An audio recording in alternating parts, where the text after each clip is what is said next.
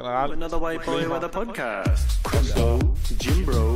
Another white boy with a podcast. Pronouns. Hell no. Another white boy with a podcast. Godt. Velkommen til øh, afsnit 5 af Ufiltreret Fitness med øh, dine to værter, Victor Mønter og, Og Emil Matthews. og vi har lige haft en diskussion off øh, camera om, hvad vi skulle snakke om, og jeg er blevet censureret for, for, anden, ej, for første gang. I hvert fald, Men det går ud over mig. Så der er noget, vi ikke må snakke om, men øh, I kan slide ind i det, så kan I få lidt insider info. Det, var ellers et godt emne, jeg havde virkelig glædet mig til Det at kan være, det kommer ud i fremtidige episoder. God Ja. teaser lige der. Det havde ellers været spændende, vil jeg sige. Ja. Nå, det var ellers... Øh, Men i stedet for det, Ja, vi har lidt forskellige, vi skal snakke om i dag. Vi er jo, øh, det er dagen inden vi tager til England i morgen. Mm. Strength in Depth. Ja. Til en stor, øh, endnu en stor international konkurrence. En tidligere semifinals konkurrence. Tidligere European Championship, vil jeg næsten sige. Tror jeg det. ja, det var jo en semifinal sidste år. Ja, præcis. Så øhm, må det ikke, det bliver stort igen i år.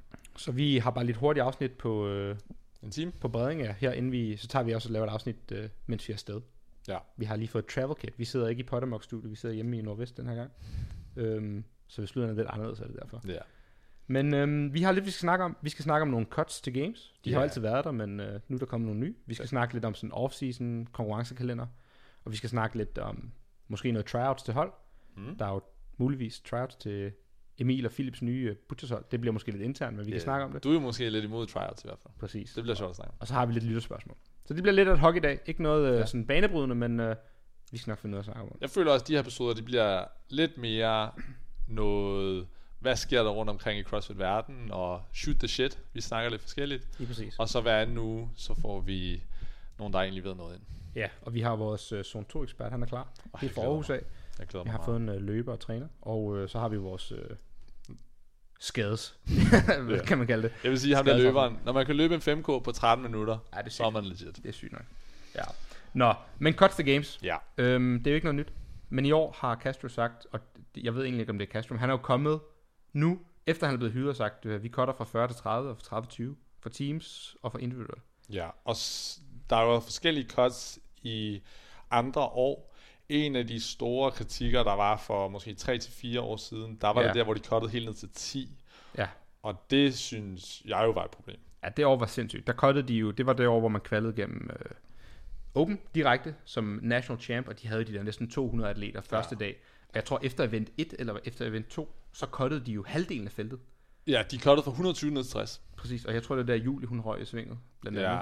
Og Kasper Gammelmark kom videre. Ja, han kom i top 20. Præcis. Øhm, og det var jo der, hvor man kunne sidde og tænke, når man kender Julie, hun fortjente jo ikke at blive cuttet efter to events. Nej. Og det, det er min, min store anke med cuts generelt. Nu snakker vi om andre år, men vi skal snakke om øh, i år. Men Ja. de andre år der, det er sådan lidt, hun fik jo ikke lov til at vise, hvor god hun var på de senere events, Nej. hvor hun ville have været god. Eller for eksempel, en af de atleter, der kom ind i top 10 på herresiden, han ja. fik en fiberspring ja, i baglåret. Ja, og så var han alligevel bare med de sidste to dage, selvom han ikke kunne skid. Præcis. Og fik titlen af at være den 10. fittest man on Præcis. earth, som jo giver ingen mening. Nej, hvor at hvis han var, hvis alle havde været med, havde han jo så fået en meget, meget lavere placering. Ja, og vi har jo også set gang på gang i forhold til øhm, Vellner, Mm. Patrick Vellner, at han starter altid psykopat dårligt. Lige præcis. Laver Lige præcis. to 30. pladser, og så den sidste dag, så laver han altid tre første pladser. Ja. og kommer op på podiet.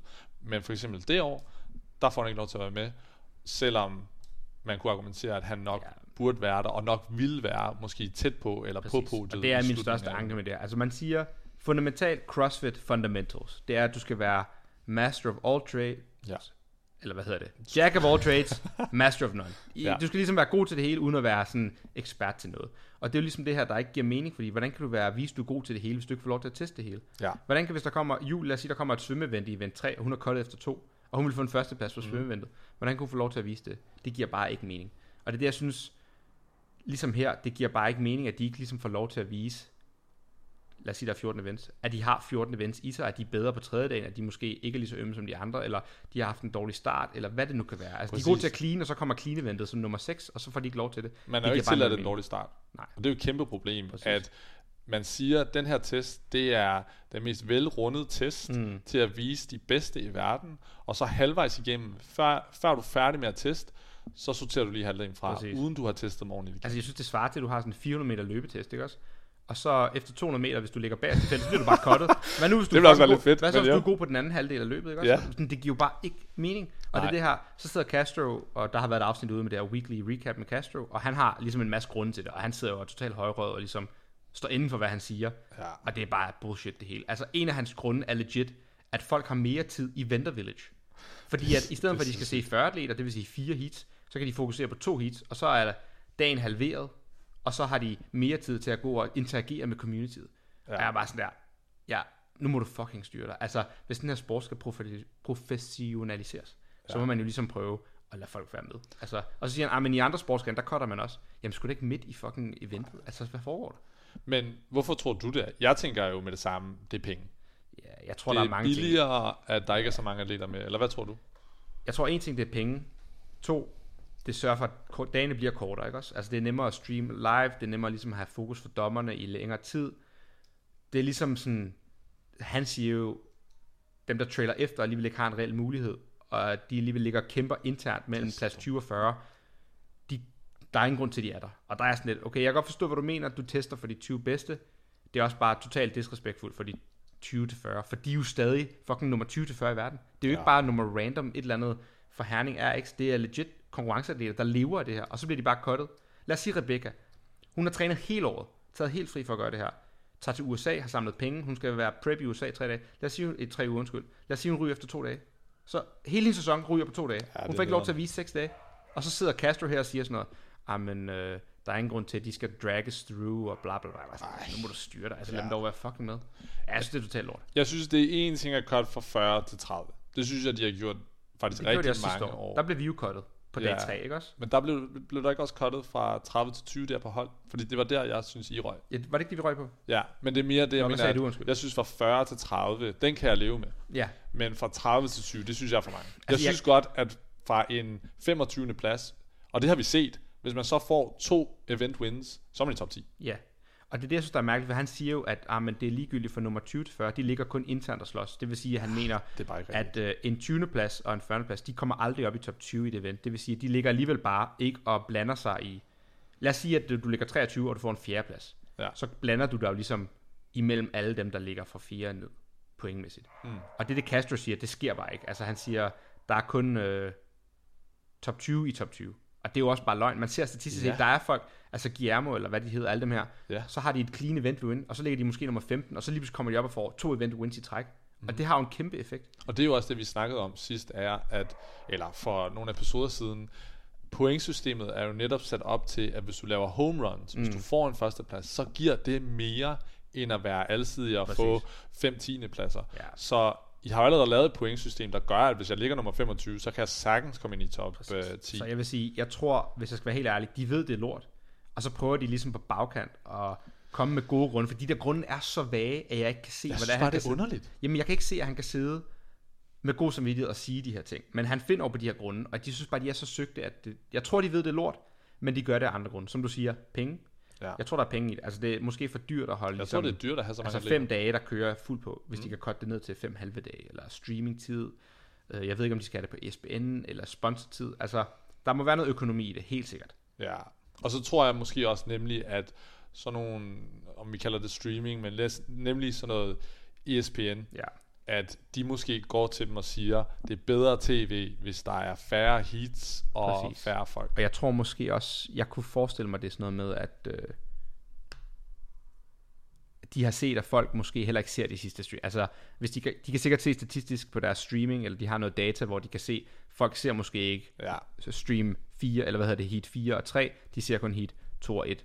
Ja. Eller de kan se i, i publikum, folk bliver ligesom ikke at ser alligevel. Der er tomt i, i podierne, eller hvad hedder det, i, øh, op på tribunerne, og så når heat 2 og 1 kommer på, så bliver tribunerne ligesom fyldt op. ja. Så det kan godt være, at det er ligesom noget, de har overvejet, og, og det er ligesom, de kan se. Jeg synes stadig, for atleterne, det er en gang om året. Den her sport er stadig så lille. Lad dem dog for helvede konkurrere. Ja, jeg synes også, jeg håber jo, det er genovervejet, og de har kigget statistikkerne igen. Mm. Men fra min side af, så synes jeg bare, at der er den der saying i forhold til, keep the most important thing the most important Mm. thing. Og der føler jeg, at det vigtigste ved sporten lige nu, og generelt, det er jo, find the fittest man and woman, woman Mm. and team. Og hvis I går på kompromis med det, så er der altså et problem. Ja, jeg synes bare heller ikke, man kan sige sådan, uh, it's a well, they've been through, som Castro siger, han er sådan, "Ah, men vi kommer igennem 15 til 16 events, vi tester alle de der 10 uh, fundamentale ting i CrossFit, Sådan, det gør du jo for nogen. Men der er jo nogen, der ikke får lov til. Dem, der bliver cuttet, får Ja. nemlig ikke lov til at vise det. Og jeg synes bare ikke, det giver mening. Hvad nu, hvis du har et home run event? Ja, altså hvis vi tager et helt konkret eksempel. French Throwdown. Mm. Kasper Gammelmark, han ligger, jeg tror han blev nummer 4, ikke også? Ja. Han var ikke med i finalen. Eller, nej, undskyld, nu er det mig, der blander sammen. Felix, undskyld, jeg ved ikke, hvorfor jeg siger Kasper. Felix Reder, Okay. vores tyske ven, han ligger vist nummer 12 inden finalen, og bliver cuttet, for det er kun top 10. Og finale øh, workouten, det var den der øh, Muscle ups. muscle up og Overhead squats. overhead squats, som jeg ikke kan huske, hedder. Den der P-workout. Amanda Ja. måske? Ja. 976, 975, et eller andet. Overhead Ja. squat. Den er han rigtig god til. Han kan få en god placering. Men eventet inden, det er et max clean jerk ladder. Så hvor han får en rigtig dårlig plads. Og ryger ud af top 10, og ikke får lov til at komme i finalen. Ja. Hvor hvis det havde omvendt Amanda inde i semifinalen, så har han røget ind i top 10, så er det blevet cuttet. Så lige meget hvad han gør, kan han dårligst blive nummer 10. Og så bliver han måske overall nummer 7. Og så har han fået en bedre placering, som er bedre for sponsorer, bedre til Instagram, bedre alt til alt det her. I stedet for, så har de byttet rundt på eventsene. Så ryger han uden top 10, bliver overall nummer 16 måske. Får, øh, hvad man vil sige, en dårlig weekend. Og det er også bare sådan lidt, det giver jo ikke mening at have de her cuts. Altså, ja, Nej. jeg ved det ikke. Og jo, vinderen bliver stadig den samme vinder, og top 2 og top 3, måske top 4 er stadig de samme. Ja. Men fra 5 til 20 er måske et helt andet felt, når du cutter. ja. Og det synes jeg for nogen, det kan godt være, at de der, der sidder på Instagram og, og sådan laver statistik, er ligeglade. Men for de her personer, som er rigtige mennesker, og deres familie og deres boks, så betyder det meget, om du bliver nummer 20 eller nummer 10. I hvert fald, når du cutter en hel dag af. Jeg kan leve med finalen. Bro, de cutter, øh, til Men- games, de cutter tre dage. Det er det, jeg mener. Du bliver cuttet efter dag 1, og der er fire dages event. det er sindssygt. Og så har man lige brugt 100.000 kroner for at komme derhen. Det er helt sygt. Det er det, jeg mener. Altså forestil du kommer fra Asien. Det er jo også det. Hvis vi kigger realistisk set. Det er dem fra Sydamerika, det er dem fra Afrika, det er dem fra Asien, der bliver cuttet. Ja. Realistisk set. Ja, Og det er dem, der er dyrest for at komme derhen. så de bruger flest penge på at få oh. Åh. mindst ud af det. den er rough. Ja, det, jeg synes, det er lort. Men jeg kan godt forstå, at de gør det, men jeg kan ikke forstå, at de gør det. Altså sådan rent sportsmæssigt, nej. Måske rent praktisk, ja. Men så lad være med at lade som om, der er gode grunde. Så er det mindst bare at sige, hey, we don't have the economy. Ja, Lad være med at sig- sådan, sige, Vi har snakket med ESPN, og det er det, vi er frem, kommer frem til at give mest mening Ja. for sporten. Lad være med at sige til mig, at så får jeg mere tid i vintervælge. Ja, og lad være med at sidde sådan helt arrogant i din fucking barn og lave en YouTube-video med dårlig kvalitet. altså sådan, gør det ordentligt. Jamen, jeg synes, det er så jammerligt, det der. I, hvis I ser video med Castro, så ved I, hvad jeg mener. Nå, Opsummeringen er, vi er ikke fan. jeg er ikke fan. Det, det hører bare ikke i CrossFit's ånd at lave cuts. Nej. Det ligger der bare ikke. Altså. Nej. Nemlig også fordi, det, i forhold til hvad vi tester, Ja. så synes jeg ikke, det giver. Og nu snakker vi games. I- Det her, det kan gå til alle konkurrencer. Alle, der lytter med, der står for at lave konkurrencer i Danmark. I skal ikke cut inden finalen. Lad være med at cut inden finalen. Det giver mm. ikke mening. Ja. Det er nederen. Altså, ja. Det gør, Enig. Det gør. Enig. Og Det vi burde har, være altså, vi har været 5, heldige. 10, det har aldrig 15 rigtig ramt mig. Alle laver. Jeg er kun blevet cuttet første gang i mit liv til games. Og jo, det var da ærgerligt at jeg var sådan, vi var nok ikke blevet gode alligevel. Hvis jeg var blevet cuttet til en eller anden konkurrence i Aalborg eller sådan noget, jeg havde været rasende. Altså jeg sådan, hvad fuck så har taget helt herover for at blive cuttet? Så jeg har tre events i stedet for fire, eller fem i stedet for seks. Ja, det giver jo ikke mening. Ja. Altså sådan, vi snakker en halv Også når time det mere. er så få tests. Ja, men det er så latterligt. Det er så latterligt. Ja, jeg er ikke fan af det. Men det var de selv stå for. Nå, som sagt, vi skal til Strength Depth i morgen. Ja. Og øhm, der er kommet lidt spørgsmål. Et af dem, det er relateret til det her. Og det er jo det sådan noget med konkurrencekalenderen. Mm. Vi vil måske have spørgsmål lidt som off-season, kan vi snakke om. Men jeg tror, det som spørgsmålet ligger op til, det er, der bliver spurgt, hvordan ligger Strength and Depth i forhold til games? Og hvad betyder det for dem, der deltager? Hvad betyder det for jer som atleter? Og det er jo, hvad kan vi sige, der er to uger til games, tre uger? Ja. Der er ikke nogen af de store hold, der kommer. Nej, der er ikke nogen gode. Jeg der tror er ikke nogen games hold, der der er ikke nogen games hold overhovedet. Nej, nej. Så individuelt, hvem kommer gode der? Jeg kan ikke nævne det eneste navn. nej. Så hvorfor er det, de her konkurrencer ligger som konkurrencer her? De ved jo også godt, gameskalenderen er i august. Ja, jeg ved, jeg ved det ikke. Jeg synes faktisk, det er underligt, når jeg tænker over det. Jeg ved ikke, om de bliver nødt til at lægge datoen og håbe, de bliver valgt som semifinal. Måske ved de det ikke. Og så håber Strength in Depth, at det er dem, der bliver valgt til at være semifinal, i stedet for Berlin. Mm. Og så committer de, og så får de ikke lov til at være det. Men nu har de committed, og så er det De har ligesom lejet venue og sådan noget. Ja, måske det er det. Så det virker i hvert fald sygt mærkeligt, at der er sådan en... Ja. Og det, det ligger ligesom op til spørgsmål, altså sådan, det er det strength and depth, det er måske vigtigt for hvad, sådan tre lande her i Europa. U- amerikanerne er jo fucking ligeglade. Mm. Men hvis vi ser på det på et større perspektiv, vi har ligesom games i august, så har vi de tre største pengeindbringende konkurrencer i hele sæsonen. Altså mm. der er fire store, der er games, så har vi Rogue, så har vi Dubai, og så har vi Waterpalooza. Ja. Det er sådan de fire store, som gamesatleterne tager rundt til for at tjene penge og ligesom lave til dagen og vejen. Og games sigter de alle sammen for. Og så i den helt anden sæson, altså fem måneder efter, så ligger de her tre sådan pladask op af hinanden ved ja. Sådan halvanden måneds mellemrum. Altså jeg, nu kan jeg ikke huske datoen, men det er jo sådan noget Rogue i start december, Dubai i midt december, Waterpalooza i januar. Ja. Og- Og det gør, I må rette os med de her datoer, men det ligger lige der omkring. Og Mm. hele det, vi ligger op til, det er sådan, der er jo ikke nogen off-season. I hvilken som helst sport, så er der offseason. Nu Ja. kører turen og Wimbledon, og det er jo ligesom sådan, de har bare en tydelig offseason i deres sport. Altså, tennisspillerne, de har deres slams, og de har deres øh, store, øh, altså grand slams, og de lidt mindre slams, og så er der ligesom pause. Ja. Og så kan du, hvis du er en dårlig atlet, og ikke en af de her pro, så kan du tage til en masse konkurrencer. Men dem tager pros, at de gider ikke engang kigge på dem. Nej. Så de har en tydelig off-season. Og så starter slammen op, og så tager de til Wimbledon, og til øh, US Open, og til alle de her forskellige konkurrencer. Og så slutter sæsonen på en tydelig dato, efter ATF, og så har de en off-season, og så kører de sådan den der cyklus. Den har vi ikke som crossfitter. Jeg synes i hvert fald, at strukturen lige nu ligger op til, at ansvaret for at få en offseason ligger på atleten. Ja.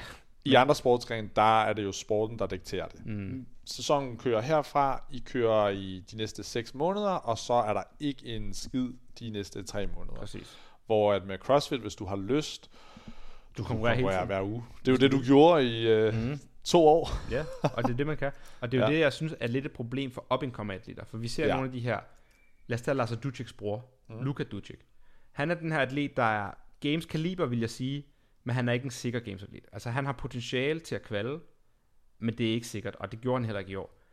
Men for at han kan tjene penge, så bliver han jo nødt til at konkurrere hele tiden. Så han har konkurreret, altså straight up, jeg tror han har været til 20 konkurrencer i år. Og han vinder dem jo alle sammen. Det er de her under semifinals niveau konkurrencer. Jeg ved ikke, hvad vi skal kalde dem. Sådan, Yeah. Altså, det er ikke strength and depth, men det er måske sådan niveauet under, hvor du kan vinde, whatever, 5.000 dollar per konkurrence. Og for at han ligesom kan leve af at være atlet, fordi at han har ikke sponsor nok til at leve af det, så bliver han nødt til at tage til dem. Og det er jo på en måde godt for ham, at muligheden er der, men det gør også, at han får dårligere mulighed for at træne. Han får ikke nogen offseason, og det gør det sværere for ham at nå games potentiale. Og nu er han bare et konkret eksempel, men der er jo mange atleter, der ligesom er i den her båd, hvor de ikke er gode nok til at kunne leve af det. Men de kan ligesom heller ikke få muligheden til at blive gode nok og tage et helt år fri for det. Hvordan skal de betale husleje det år? Hvordan skal de få mad? Altså alle de her ting, for de har ikke nogen penge, hvis de ikke har sponsorater, og de ikke har, som ham, 40.000 Ja. følgere på Instagram. Han er jo ikke særlig pæn, og han er ikke særlig marketable. Det er jo ikke uh, Solvej fra Island, der har, jeg ved ikke, hvor mange følgere, fordi hun er en flot blond pige. Ja. Altså realiteten er anderledes for nogen. det er jo ligesom, hvem er ham der russeren, hvad er det, han hedder? Altså, uh, Krenikov. Ja. Ja. Vi så jo ham for et år eller to siden. Han kørte jo sommerturné rundt omkring Ja, ja, i. Europa og vandt bare alle konkurrencerne. Fordi han ikke kunne komme til games, ja. og ikke kunne tjene penge på det. Jeg synes i hvert fald, man skal være meget struktureret med det. Mm. Jeg synes godt, det kan lade sig gøre. Men som sagt, jeg synes bare, ansvaret ligger på atleten. Og jeg synes faktisk, om man er atlet, der gerne vil til games, eller bare atlet, der gerne vil op på semifinale niveau, man skal i hvert fald være opmærksom på, hvilken konkurrencer vælger jeg, og giver jeg mig selv muligheden for ikke bare at lære at konkurrere, men også nok tid til at træne. Og jeg kan ikke bare forvente, Men hvad gør, jeg forstår godt, hvad du siger, men hvad gør en pro-atlet så? Lad os sige, at jeg er gamesatlet. Mm. Jeg hedder Medeiros. Ja. Jeg har lige vundet 350.000 dollars til games. Jeg er sat, jeg kan prøve ligesom at vinde igen, men jeg vil godt tjene mere. Så kommer Rogue og siger, hey, vi inviterer dig. Du kan vinde 300.000 dollars igen. Skal jeg sige ja, skal jeg sige nej? Det er et halvt år efter. Det er midt i min uh, off-season. Jeg er i gang med en eller anden 12 ugers styrkecyklus. Jeg er måske ikke i form, som jeg vil være. Skal jeg droppe den styrkecyklus og prøve at komme i form? Eller skal jeg tage afsted og blive nummer 20 uden at være i form? Eller skal jeg... Der synes jeg, det kommer an på periodisering. For eksempel for mine egne atleter, der er det sjældent, at jeg kører en form for cyklus, der gør, at de er i off-season fra nu af hele vejen ind til februar, når sæsonen, den officielle sæson starter igen. Mm. Der har jeg oftest faktisk en form for halvleg, så i efteråret eller vinteren, der er der en konkurrence, vi tager til. Fordi derfra, eller fordi at når vi når dertil, så har vi haft nok tid til at arbejde på deres svagheder, nok tid til at peak, nok tid til at teste, og derved teste ved at tage til den her konkurrence. For lige at se, går det den rigtige vej? Ja, præcis. Og så derefter køre et helt cyklus igen, hvor vi stadig føler, at vi får igen tid til at arbejde på deres svagheder, og være klar nu her til, når den officielle sæson starter. Så du holder dem ligesom i form hele året? Ja, det ved jeg ikke, om jeg vil sige. Jeg føler mere bare, at vi piker to gange. Hmm. Vi piker til, på et tidspunkt i efteråret til en, eller anden- en af de her konkurrencer, hmm. og så piker vi igen til Open, i stedet for, at vi bare kører en offseason, der varer fra, lad os sige, juni hele vejen ind til januar. Men det er jo også, lad os sige, du siger, du piker til Open. Ja. Men der er jo nogen, der skal pike til quarters. Og der er nogen, der skal pike til semis. Der er nogen, der bliver så pike til begge to. Fordi de måske gode nok til lige at komme igennem quarters, men de skal være peaked. Og så vil det jo sige, så skal de virkelig være peaked til semis, som er en måned efter. Hvordan skal de nå at peak tre gange? Plus de skal peak i offseason, siger du. Det er fire peaks på et år. Ja. Og til dem, der ikke ved, hvad et peak er, når vi snakker her. Det er... Man trapper ned i lige klare, så træning. lukker jeg vinduet, der er en baby uden for. Du, Man trapper ned i træning, og fjerner fatigue, for så at lade alle de al den øvelse, man har lavet, komme frem, så man egentlig kan konkurrere og vise sin bedste performance. Og der vil jeg sige, at som coach, det er også ulempen. Om jeg skal pick mine atleter til Open, eller skal jeg pick dem til kvartfinalerne, semifinalerne, eller games, der er også en form for risiko i det. Der er for eksempel nogle atleter, hvor at, når vi snakker, og vi vurderer, hvad vil vi gerne peak til, for eksempel for dig, og nu når jeg siger dig, så mener jeg selvfølgelig Victor, der har vi for eksempel den her sæson ikke peaked til Open. Vi har heller ikke peaked til kvartfinalerne. Vi har valgt at peak til semifinalerne. Ja. Og det har måske også gjort, at du har performet lidt bedre. I kvalede jo ikke super godt til semifinalerne. Men hvad nu, hvis vi er et atlet, der er lige niveauet under os, der måske ikke kan tillade sig ikke at peak til quarters, fordi så slutter deres sæson der. Lad os sige Eskils hold, Ja.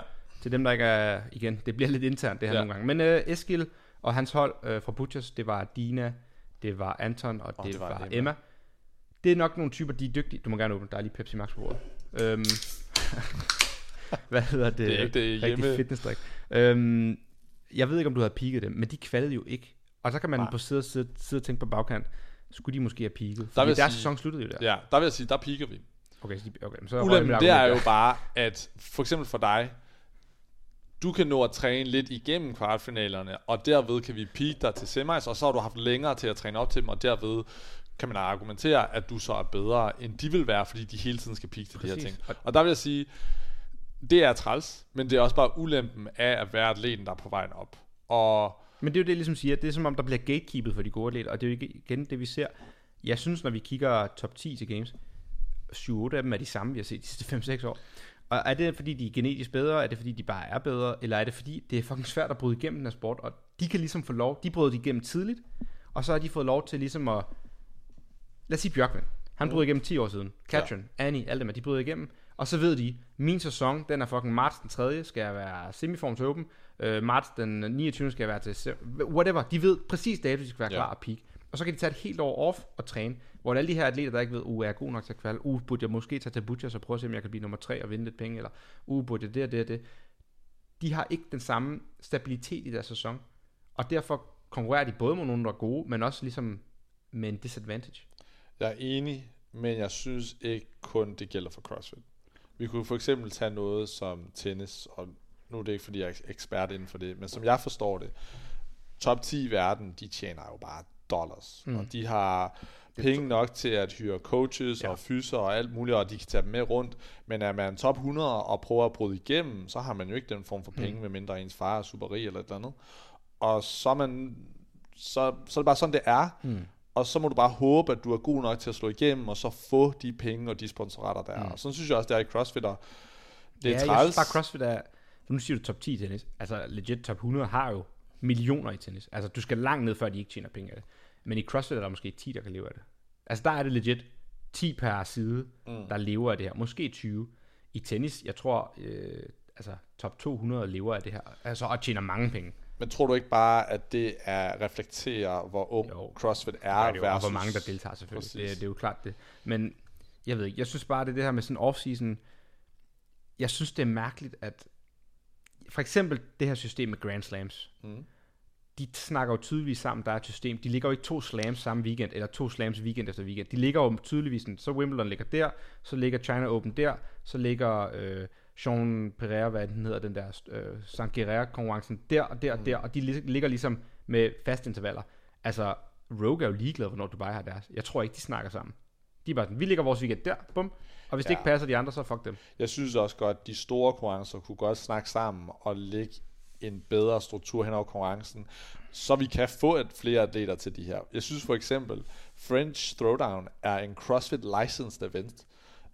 Hvad præcis det betyder, det ved jeg ikke, men det må jo betyde, at CrossFit har en hånd i det. Mm. Så hvorfor siger CrossFit måske ikke, i stedet for at holde jeres French Throwdown to uger efter semifinalerne mm.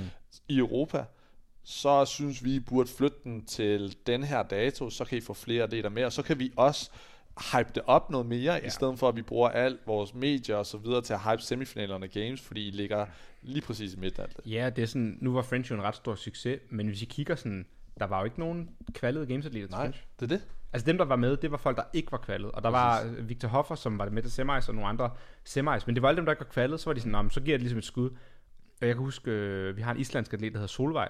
Hun har lavet et post, hvor hun skriver sådan der, ja, jeg tog med, jeg håber, det ville gå godt, men jeg er totalt brændt ud. Ja. Jeg er helt brændt ud. Og det var sådan, hun var ligesom peaked til semis, håbede hun kom videre, så har hun ligesom haft sådan en nedtur ugen efter, og ligesom måske slet ikke trænet og spist pizza og fuck jeg ved, været i byen og sådan noget.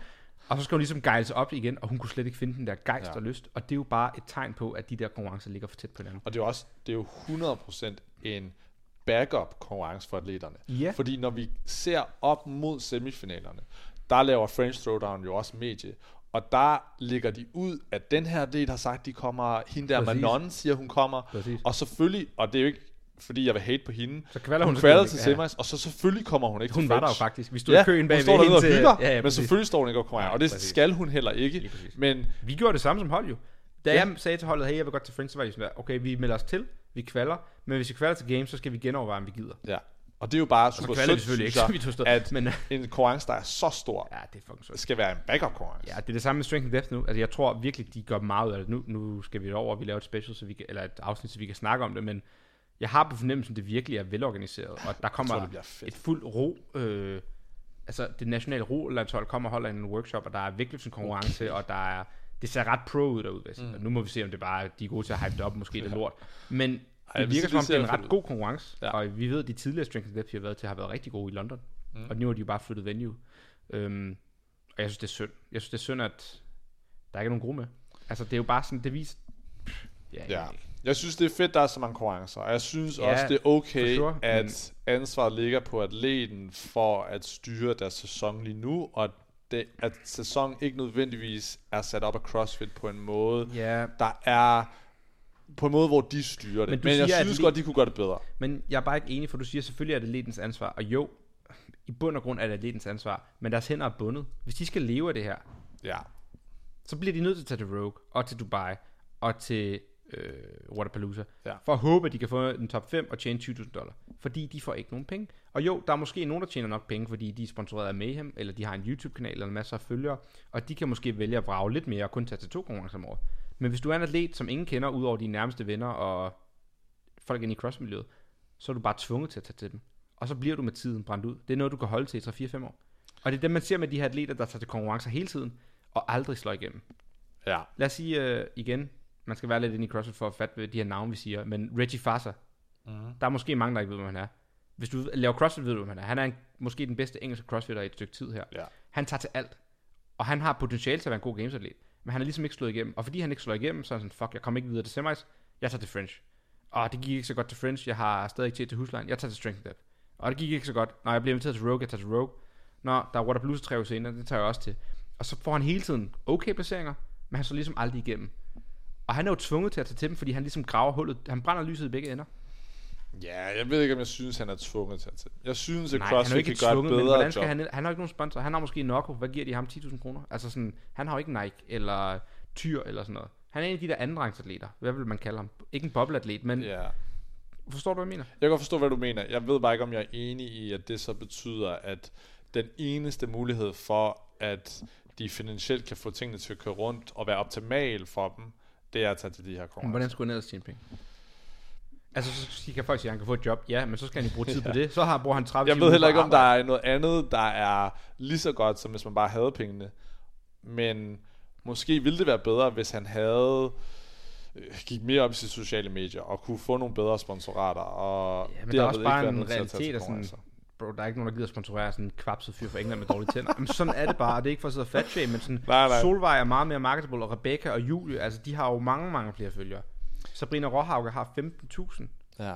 og sorry, men hun er jo ikke en, på nær det niveau atlet. Og det er jo ikke noget uh, hit på Sabrina, hun er en dygtig atlet, men hun har jo øh, uproportionelt mange følgere i forhold til hendes CrossFit-niveau, hvis man kigger sådan på en bred kamp. Ja. Og det er jo fordi, hun er god til at markete sig selv på Instagram og lave gode posts, og hun har været heldig at blive repostet. Det er også bare sådan, den der algoritme skal du også bare ramme nogle gange. Altså jeg kan huske, Julie fik engang sådan noget 10.000 følgere på en dag, fordi hun blev repostet af CrossFit.com. Og det ja. samme Rebecca, sådan, nogle gange så får de bare mange følgere hen over en nat. Og det er jo ikke, fordi de har gjort noget specielt, de har bare været heldige, eller de har prøvet længe nok. Og det har Reggie måske ikke fået. Der er jo mange, der... Vi hører om alle succeshistorierne, vi hører bare ikke om alle dem, der ligesom prøver og ikke får et repost, eller aldrig får følgere. Jeg ved ikke. Jeg synes, det... Selvfølgelig, sporten skal blive større, før der kommer flere penge i det, men problemet er, at vi gatekeeper de dygtige atleter for at komme videre, fordi de er bare tvunget til at konkurrere hele tiden. De kan i hvert fald godt optimere konkurrencekalenderen. Ja, Det det jeg synes, der skal være noget koordination. For nu tager vi sin konkurrence. Jeg glæder mig sygt meget. Ja. Men det er fordi, jeg, jeg passer til det niveau. Jeg er jo ikke bedre end Strength and Depth til at Mhm. prøve at komme på det her. Men hvis jeg var en gamesatlet, så ville jeg være sådan, Nå, det er det nederen, der ikke er nogen, der er bedre. Ja. For så ville jeg bare vide, at jeg kommer og vinder. Forstår du, hvad jeg mener? Ja. Ja, jeg ved ikke. Det, det er en svær ting, men jeg synes, der, der, der mangler noget reelt offseason i CrossFit. Også bare for folks træning, altså. Folk er jo skadet i et flæng. Men Jeg ligger altså mere ansvaret over på atleten. ja, måske. Og det tror jeg også til dem, der lytter, at tage til konkurrencer, gå ud og konkurrere, men sørg for, at du har en off-season. Sørg for, at du får arbejdet på dine svagheder. Mm. Sørg for, at du får gjort dine strengths endnu stærkere og så videre, hvis du gerne vil slå igennem til det, der måske ville betyde mere for dig, end den konkurrence, der er næste weekend. Hvad synes du for eksempel, hvis vi nu tager øhm, en af dine atleter? Mm. Lad os sige, at de har mål individuelt, mål om at komme videre fra quarterfinals og blive en semifinals atlet. Relateret til den anden sport, det svarer til, at de kommer til prelims til EM. Mm. Måske. Det er højt niveau.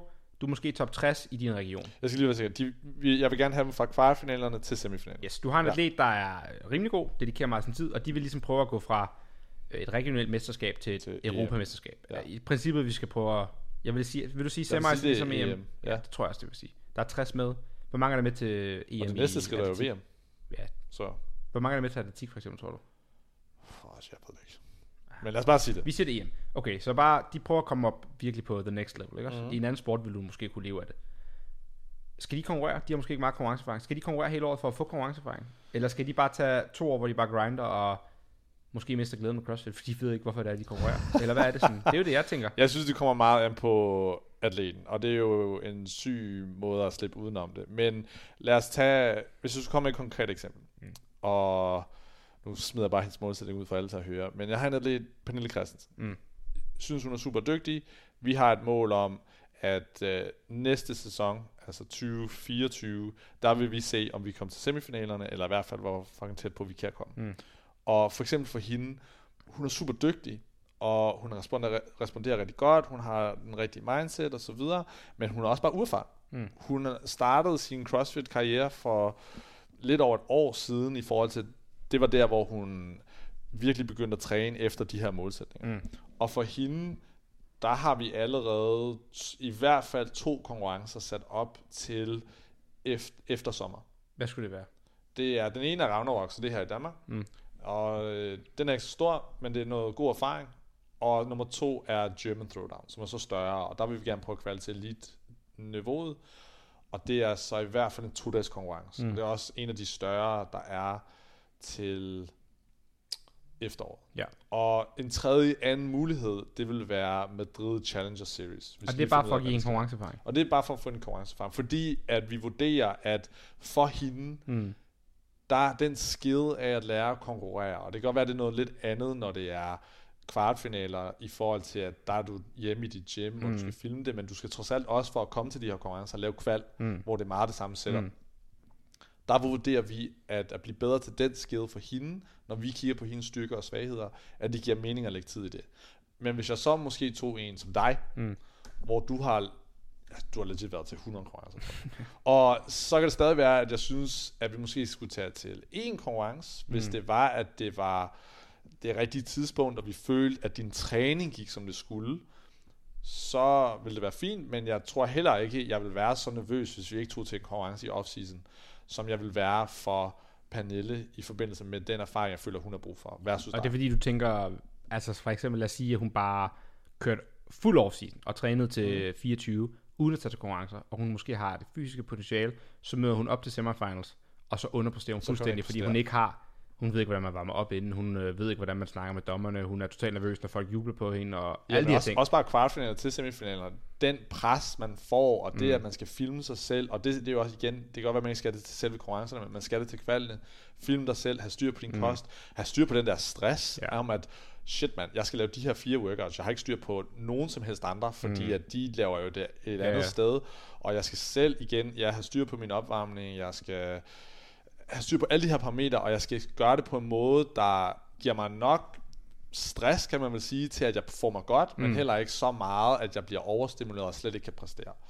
Og at træne det er super svært at træne i din træning. Det lyder Ja, sådan der er lidt underligt at også sige det bare på, en men mærkelig sport. Hvor gammel er Pernille? hun er 27, tror jeg.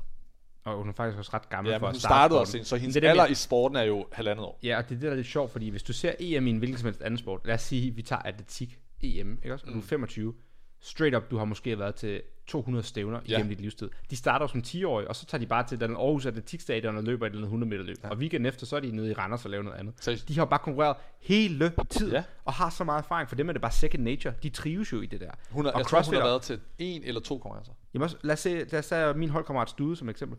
Ja. Han har været til games på team. Han har aldrig stillet op individuelt. Ja. Til nogen konkurrence. Nogensinde. Det er det. Og det er bare sådan, det viser bare lidt, CrossFit er meget unik. Forestil dig, at du møder op til VM i 100 meter sprint, og du har, eller øh, undskyld, øh, lad os sige 400 meter relay, den der, hvor de løber 4 gange 100 meter. Oh. Og du bare aldrig har løbet 100 meter selv. Ja. Det ville jo være helt uhørt, eller sådan der. Ja, Johan, her har vi Johan, Johan Blake og, øh, hvad hedder det, Frederik Stude og øh, hvad hedder det den anden. Og sådan, ja forresten, Frederik har aldrig løbet en 100 meter selv. Det ville man være sådan der, hvad Ja. for noget? Og det, når jeg siger Det det, er her, helt, CrossFit er så unik på nogle punkter. Sådan, Jamen, det jeg er helt skørt. Og når jeg siger det her, så er det ikke fordi, jeg snakker om Frederik Stude. Men jeg synes jo, at der er mange atleter, som kommer til at tro, at de er bedre, end de er. Fordi de ikke tager til nok konkurrencer. Så Ja. de står hjemme i deres gym, Wow. og de tænker bare, fuck man. Okay, nu har vi noget at snakke om i jeg, det her podcast lige nu. Nu kan jeg fortælle dig. Jeg der, kan jo det er godt min største snatch, anke i men for eksempel, jeg kan jo godt snatch 120, og de der bøger, man, de, de kan ikke engang stå på gulvet og snatch 110, men ved du hvad, jeg lover dig for, at derhjemme, der kan de godt snatch 130. Ja. Det er fordi, når du står på gulvet, så er det noget helt andet. Bro, hvor mange af dem, der har vi ikke set, der bare fucking tror, de er hot shit, og så Ja. kan de ikke engang kvalde videre til konkurrencen. Præcis. Og det er jo derfor, at jeg gerne vil have, at Pernille får den her erfaring, fordi det er fedt, at hun står derhjemme og laver nogle workouts, måske endda laver nogle semifinal workouts, mm. og får en top 10 placeringer, og vi tænker, shit man, hun er bare klar til at tage til games. Hvis hun ikke, det er noget helt andet at lave det Ja. derhjemme i dit gym, versus at tage ud på gulvet, og du har ikke spist ordentligt, du har sovet dårligt, Ja, fordi du er stresset.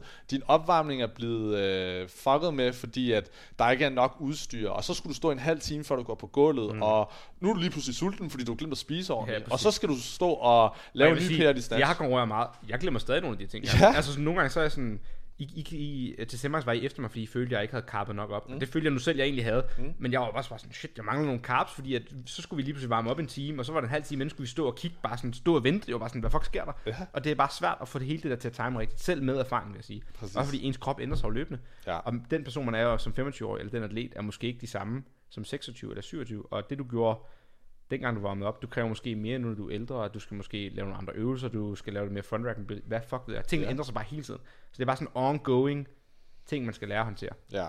Men jeg vil sige, nu hedder det ufiltreret fitness, og du er jo coach for mange af de her atleter, der sådan, måske tror, de er bedre, end de er, og så får de et wake-up call. Vil du ikke også sige, at der er mange, der sådan, de har svært ved at håndtere det her wake-up call? Jeg synes, nu har du rigtig mange Mm. atleter. Hvor mange har du? 20, 30? 20 til 25. ja, der er mange af dem, vil jeg sige, nu skal vi ikke nævne nogen navne, men som måske har troet, de har været ret gode, og så har realiteten ramt dem ret hårdt, og det har taget dem et stykke tid at ligesom at komme sig over det her, og, mm. og sætte nogle nye målsætninger, og ligesom revurdere deres identitet. Vil du ikke sige det? Enig, og der synes jeg jo nemlig, at det er jo en af de roller, jeg har som coach, er at sørge for at give dem et realistisk billede. Ikke at gøre dem deprimeret, eller ikke tro, at de kan det eller noget, men, og det er jo hele tiden en fin balance. Fordi man er nødt til at tro, at man kan opnå det mål, man går Mm, efter, mm. ellers er man ikke motiveret. Samtidig, hvis man begynder at tro, man er bedre, end man er, så er der måske et problem. Især hvis det går, begynder, eller især hvis det betyder, at du begynder at tjuske i ting. Men har du atleter, øh, du skal ikke sige nogen navne sådan noget, men det må du gerne selvfølgelig, men øh, har du atleter, der også er kommet ud og sagt sådan, hey, jeg er så så god, og så har du bare siddet og tænkt, det er du fucking. Så, så har jeg du sagt det, til dem. det. Så har jeg sagt det, hvis det er. Hvor, hvordan det- siger du det til dem, jeg jo. hvis jeg kommer og siger til dig, bro, jeg kvalder for sure til games med holdet. Vil du sige sådan, ah Victor, du har mulighed for det, men hvis det går galt, så kvalder jeg heller ikke? Eller vil du sige, hvad fuck er det, du snakker om? altså, hvordan Det du tror sige, jeg er for du svært ved at godt, hvordan jeg vil svare. Ja, og det tror, det tror jeg er svært at sige, og jeg tror, at det kommer meget an på atleten. Jeg, jeg vil jo gerne have det bedste for, min, for mine atleter. Mm. Og det er jo altid det, der skinner igennem, hvis jeg tager en samtale med dem. Det er jo, jeg siger kun ting, fordi jeg vil have, at det gør dem bedre. Så hvordan jeg siger det til dem, det kommer meget an på, hvad jeg føler, der er behov for. Mm. Hvis det var dig, så ville jeg måske sige det på en hårdere måde for at slå igennem. For andre kan jeg bare stille nogle spørgsmål, og så kan de være selvreflekterende. Og det er faktisk oftest nok sådan, jeg gør det, at man begynder at stille nogle spørgsmål om, ja, okay, du er god til at snatch, men hvad med de her andre variabler, som jeg nævnte lige før? Føler du, du vil være klar, hvis de kom? Og så oftest finder de selv frem til, Jamen det er jeg siger. Ah, har du fornemmet okay, nogen, hvor de, sådan, lige- de, de, måske skal have lidt længere tid til at fatte det, hvor du sådan, du skal ikke bare sige en gang, du skal ligesom give dem en vink med en vognstang, sådan. eller at de måske bare skal mærke det bare en krop, at de så møder op til, eller ikke engang kvalder til en konkurrence. Altså vi har jo haft nogle, øh, nogle hold, der for eksempel tror, at de er rigtig gode, og de kan ikke engang kvalde videre til konkurrencerne. Eller der siger, at jeg kommer videre til games. Altså bare, hvis vi ser på de danske hold, hvor mange danske hold var der med til semis? 7, 8? ja, 8 måske? noget det nu. straight up fem eller seks af dem. Jeg ved, og de, ikke bare noget, jeg ved, det er noget, de har sagt højt. Vi kvalder til games. For Ja. sure, vi kvalder til games. Og hvad skete Ja. der? Ingen af dem fucking kvalede. Jamen, jeg er enig. Og hvor pinligt var det, da vi stod dernede, og vi stod bare og kiggede på dem, vi var sådan der, det er så pinligt, de står og siger det. Og nu på bagkant står jeg og undskylder det. Og de bare sådan, ah, vi kvalder, hvis det er det, der er sket. Det er alle hold, sagde det. Var ikke bare et hold. Nej. Der var 3-4-5 hold, der var så selvsikre, at de ville kvalde videre. Og hvad var realiteten? De kvalede ikke fucking videre. Og hvor svært havde det været at slutte en pille? Meget svært. Og det havde vi også, men vi havde trods alt sagt, at vores mål er at kvalde. Men vi ved godt, at vi nok ikke gør det. Ja, Og jeg synes, vi var meget mere... re- Og det betyder på bagkant her, ingen af os har været kede af det på samme måde. Der er virkelig nogle af de hold, der har haft det svært. ja. Og nu igen, det er meget indspist københavnsk øh, Butchers Lab Arca øh, podcast, det her. Altså sådan, men hvis man sidder derude og lytter med, altså, jeg kunne forestille mig, at det sker på alle niveauer af sporten. Folk, der kommer til first time, siger, jeg skal fucking flække hende der, den lokale dernede, jeg kommer bare til at own, og så bliver de nummer 19. Og så Ja. når de kommer hjem i boksen om mandagen, er de sådan der, fuck, det gik ikke, som jeg troede. Jeg synes i hvert fald, det er en balance. Man er nødt til, som sagt, at tro på det. Og det var for eksempel med jer som Fleck, som jeres coach, efter kvartfinalerne, der tænkte jeg, oh shit. I kvalde som nummer 27, som ikke er super godt i forhold til, at målet var, at vi skulle kvalde til games. Mm. Og det er jo ikke fordi, det bekymrer mig. Det, der bekymrer mig mere, var, at jeg kiggede på jer, og jeg føler, at de par dage bagefter, der synes jeg, at jeg kunne be- begynde at kigge på jer og tænke, fuck, de tror ikke på det mere. Mm. Og hvis I ikke tror på det mere, Altså, du mener efter at semis? Efter, nej, Nå, efter, kvartfinalerne. Ja, Ja, I kvalede 100%. dårligt til semis. Mm. Og de dage efter, der synes jeg, at jeg kunne kigge på jer og føle, de tror ikke, de kan kvalde til games mere. Og Det tror jeg heller ikke, vi tror. Nej, præcis. tror jeg ikke. Jeg tror, men der øh, føler jeg, at vi fik løftet jer op igen. Ja, det er klart. Men, til at, når vi så nåede dertil, at så var jeg klar. Og det føler jeg, det var vigtigt, at I troede på det, uden at I så gik rundt og sagde, det kan vi 100%. 100. Og der kan man måske kigge på nogle af de her andre hold, og også igen synes, det er jo super vigtigt, de tror på det. Det er de nødt til at gøre. Men ja, om de kom til at tænke, at det var bare en selvsikker ting, og hvor meget, hvis det var det, der skete, hvor meget det egentlig gavnede dem, når de så fik deres første nederlag, det ved jeg ikke, om jeg synes Hvad hvis du tager niveauet lavere? Du havde et hold, uh, Team Butchers uh, T-Bone 46. Hvad hedder de? Mm. Eskild og dem. T-Bone. Altså T-Bone, dem der Ja. kom med til Simmers. Nej, quarterfinals. Team X. Jeg kan ikke huske Snakker vi om Dina, Eskild, Ja, lige Emma og okay. Godt, så Emil havde et hold, der hedder, jeg kan simpelthen ikke huske, hvad de navn der Team X. Med, yes, med Eskild og alle dem her på. Jeg tror, deres mål, hvis jeg ikke får puttet ord i munden, var at kvalde videre til semis. Ja. Og de kvalede ikke videre. Ja. Hvordan havde de det bagefter? Var de også sådan der, wow, shit, var det bare et slag? Altså nu ved jeg godt, de havde et skade på holdet og så videre, men eller har de sagt alt muligt for ligesom at godt gøre, at de, ej, vi var kvalet, hvis det og det ikke var sket? Eller har de accepteret og sagt, nå, vi må bare blive bedre? Jeg kunne forestille mig, at Eskild bare sagt, ja, jeg skal blive bedre. Hvad har de andre håndteret det? Jeg tror, at når man får så stort et nederlag, så sker der mange ting. Mm. Og man bliver meget følelsesladet. Og det kan nogle gange gøre, at man kigger rundt, og så vil man skyde det over på andre. Samtidig kigger man også på sig selv, og måske giver sig selv 100% af skylden, som jo også er forkert. Og jeg føler, at de gik igennem mange af de her trin. Og det synes jeg også er nogle helt almindelige Det er trin. the at five man- levels of grief. Ja, man kommer, ja, præcis, at man kommer til at være sådan, ah, det er jo også Emil og Philips skyld, fordi de coachede os dårligt, Ja. og ah, det er min egen skyld, fordi jeg har mistet den her barmerslop, og det er den ene rep, der gjorde helt forskellen. Mm. Og alle de her ting er jo helt ude af, ude af Proportion. proportion, eller hvad man vil sige. Men hvad Men sidder det er du også helt? Sidder du så almindeligt. bare der Og og lader dem ligesom tale? Sidder du og tænker sådan, nej, jeg lader dem lige rase ud et par dage, og så prøver vi med tiden at ligesom få dem ind igen? Eller sidder du bare og cutter dem off sådan, nej, det var ikke den fucking muscle. Det var din prep op til. Eller nej, det var ikke det. Det var fordi, du ikke har øvet det, jeg sagde de sidste halve år. Eller nej, det var fordi, du har- sov 6 timer i stedet for 8. Eller hvordan gør du? Jeg vil sige fra egen erfaring, når jeg er følelsesladet, så er det svært at være logisk. Så når jeg får atleter, der bliver meget følelsesladet der har, og er super ked af det, så er det ikke det første, jeg gør, det er ikke at sige, hold nu kæft, og tag dig nu sammen, og det var det her, og så videre. Der giver jeg mere, jeg prøver at skabe plads til, at de kan få de her følelser ud. Og der kan jeg også nogle gange føle, at jeg sidder der Det bliver meget føle føle, vil jeg sige. Ja, Jeg har set dig engang imellem sidde der og sidde og være snusfornuftig med en eller anden lille musse, der bare er ked af det. Og jeg kan bare se i dine øjne, du tænker bare, kill me. Jeg får ikke nok løn. Det- de, det skal ikke, jeg- de skal ikke betale 2.500, de skal betale 3.000 for det her. Fuck, psykologerne får flere penge, end jeg gør. Du sidder straight up og leger psykolog. Det vil jeg ikke sige, uh, det vil jeg ikke sige rigtigt. vi Men man kan det. godt nogle gange føle, at man sidder der, når folk er følelsesladet, og de bare i talesætter deres følelser, så kan man godt nogle gange føle, at de siger nogle ting, der er lidt uretfærdige. Ja.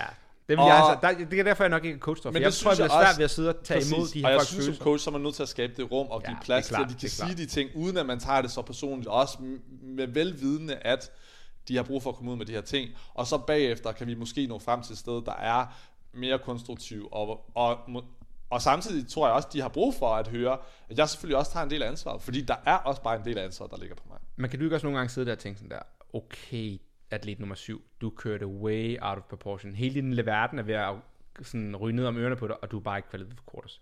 Så er det heller ikke større. Eller kan du godt øh, investere dig emotionelt i det? Fordi for dem er det jo hele verden. Men når man sidder og kigger udefra, hvis jeg fortalte min mor, at jeg var begyndt at græde, fordi at jeg ikke kvalitet for quarterfinals, ville være sådan der, hvad for noget? Den der, når der, hvor du trænede nede i Butchers, hvor du skulle hoppe op på en kasse hurtigere end ham den anden, der hoppede op på en kasse. er det det, du mener? Ja, Altså, forstår du, udefra godt er forstå, det en fucking joke at være ked af. Men øh, for os, der er i det, ja. så er det alt er jo relativt. For os er det jo super vigtigt. Præcis, og det tror jeg er nemlig præcis det, jeg godt kan sætte mig ind i. At når folk kommer ud et sted, hvor man måske tænker, okay, det her, du er måske mere ked af det, end er, er godt for dig. Og det er jo svært for mig, det er ikke fordi, jeg skal være den, der vurderer det. Ja. Men så kan jeg, mere end at jeg sidder der og tænker, oh, kæft, hvor er det her dumt at høre på. Så, tænker jeg, Men det må du godt. Altså, du må godt også sige her, hvis du tænker det nogle gange. Du kan ikke sige noget. Gør du aldrig, sidder du aldrig og tænker sådan Nej. der, hvad foregår der? jeg kan nogle gange godt være chokeret over, hvor meget et nederlag kan ramme nogen. Okay. Men det betyder ikke, at jeg så sidder der og tænker, hold kæft, hvor er de dumme. Jamen, du ved, man kan tænke noget nede dybt i dit hjerte, og så aldrig måske Jeg lade ved det godt, du komme gerne vil have, jeg siger, at jeg synes, det er dumt, men det kommer Er der aldrig nogen, hvor du sidder og tænker sådan der, what? Det jeg mere tænker, det er, Mener du det? ja, Ej, det er løgn. ved du hvad, Bro, jeg kan læse Instagram-opslag, hvor jeg sidder og tænker, what? Hvad foregår der? Ro på, makker. Så vigtigt var det heller ikke det der. E- Efter semis, jeg ved ikke, hvor længe jeg sidder på, sidder på at læse opslag, som folk bare skrev ting, hvor jeg tænkte, hvad fuck foregår der? Hvor, hvor er din selvindsigt? jeg vil sige, som coach træder meget ind i den rolle, der er. Mit job, det er at hjælpe den her person. Okay, men så ikke coach Emil, bare Emil. Så kan man nok godt... Ah, men du er for sød. Stop, du Ja. prøver bare at udstille mig. Men jeg vil Nej, sige, prøv som coach, så tænker jeg, okay, hvordan kan vi få den her person til at performe til deres bedste? Mm. Og når de ender i de situationer, hvor jeg måske tænker, at lige præcis den reaktion, vi får her, den er måske ikke super hensigtsmæssig for at få den bedste performance ud af det frem, I fremtiden, i fremtiden, så er det også det, jeg går ind i. Og synes tænker, du generelt, nu skal vi have det øh, her ændret, fordi igen, jeg vil gerne have det bedste for dig, og hvordan får vi Ja, ændret præcis. den her reaktion, for at få den bedre performance? Og synes du generelt, du ligesom kommer frem til det, at de faktisk lærer lidt af, som man siger, og det er igen sådan en ting, jeg havde på Instagram, med sådan nogle motivational quotes. Men det, er nogle gange er der noget i det, de siger, uh, you don't lose, you learn. Mm, Og det altså, er jo sådan, der sidder jeg og tænker, uh, et, det er fucking løgn, selvfølgelig taber man, men man kan godt også lære. Præcis. Synes du, de generelt lærer af det? Ja, meget. Ja. Eller Men har du nogen, hvor de synes også- ligesom ikke kan komme videre fra det, og så er du sådan, åh, det fungerede fandme ikke. Det er i hvert fald der, hvor at nogle gange kan jeg se, at det bliver mere destruktivt, end det bliver en læring. Også og på, når vi når, altså også senere hen. og ja, og når vi når til den grænse, så er det der, hvor at jeg begynder at tænke, det her, det skal vi have ændret. Mm. Fordi hvis det fortsætter, at du gør det til så selvdestruktiv en ting, når du får et nederlag. Og for nogen er det kommet helt derud, hvor at jeg kan føle, at De stopper sporten. oh gud, i dag, de kunne ikke ramme deres snatchprocenter, og så, og så får de meltdown, versus at det var et Ja. endnu større mål.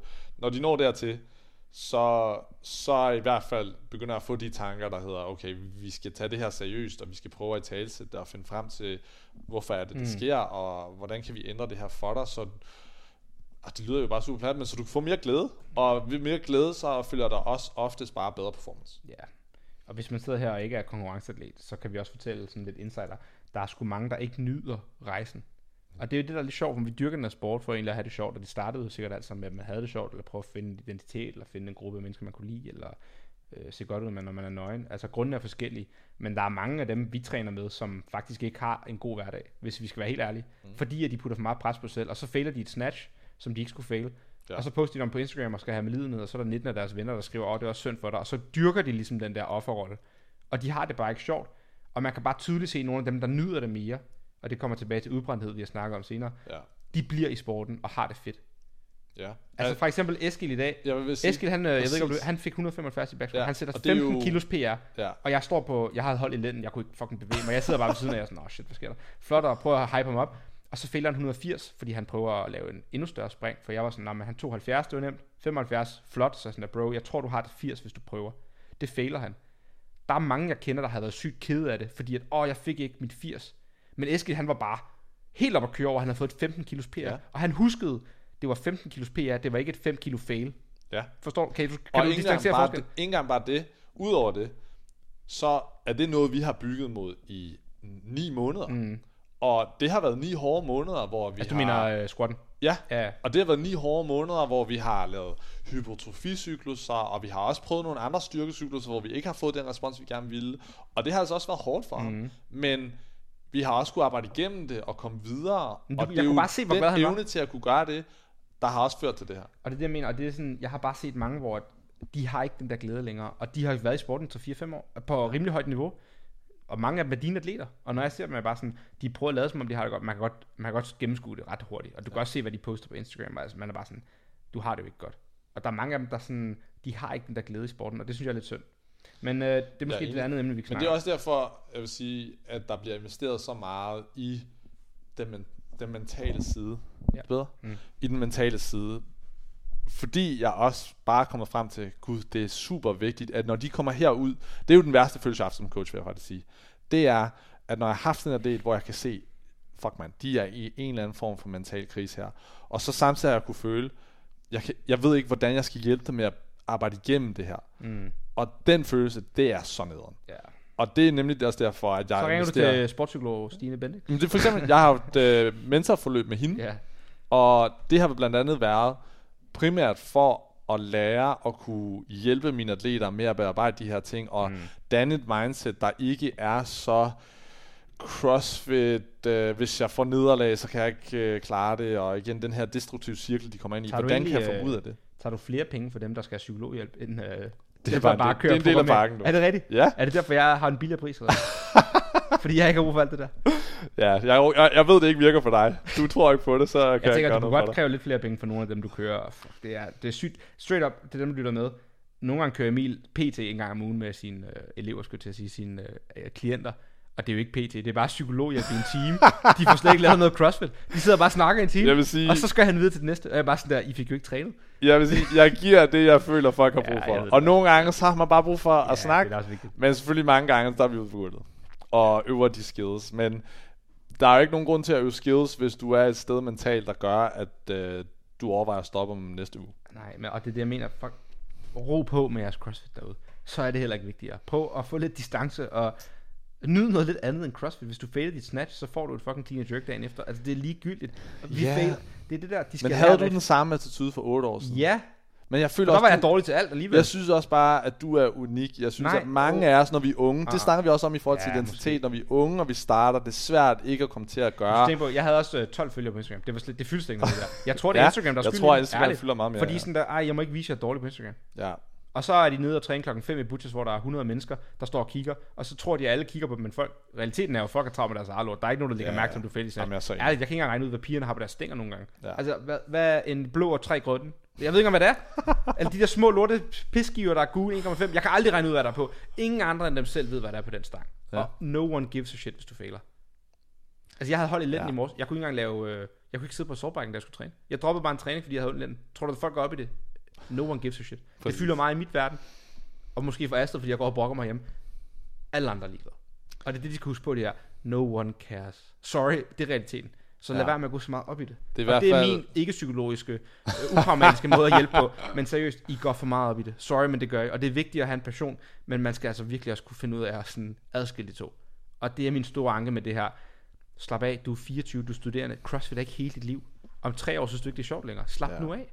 Det er i hvert fald, og det er jo super kikset, men jeg synes bare, det er rigtigt. Og det er den der, find glæden i the journey, og tænk mindre på the destination, og så vil du formentlig også bare komme derhen hurtigere og opleve mere succes ved at finde glæden i det, du laver Ja, i eller hverdagen. realisere, at du må godt må sætte andre delmål. Så er de sådan, ah, men destination det er semis. Sorry, men det er ikke alle, der kan komme til semis. Der er 60, der kommer til semis. Og det kan godt være, det ikke er dig. Så må du sætte et nyt delmål, der hedder at blive nummer 10 til Strength and Depth. Det er det, jeg har gjort. Jeg har indset, jeg er ikke god nok til at komme til games for evigt. Måske kan jeg komme igen. Måske kommer jeg det en gang. Who knows. Men jeg har andre delmål. Det er at gøre det godt til international konkurrence. Det er lige steppet under. Og der må man folk bare, hvor de er i deres liv, vide sådan, okay, du kunne ikke blive nummer 10 til Butchers uh, Elite, så prøver du at stille op til Butchers Battles, og så kan du blive top 5 der. Eller, okay, du kunne ikke vinde, uh, du kunne ikke kvalde til eliterækken i Madrid, så stiller du op til en eller anden konkurrence i Malaga.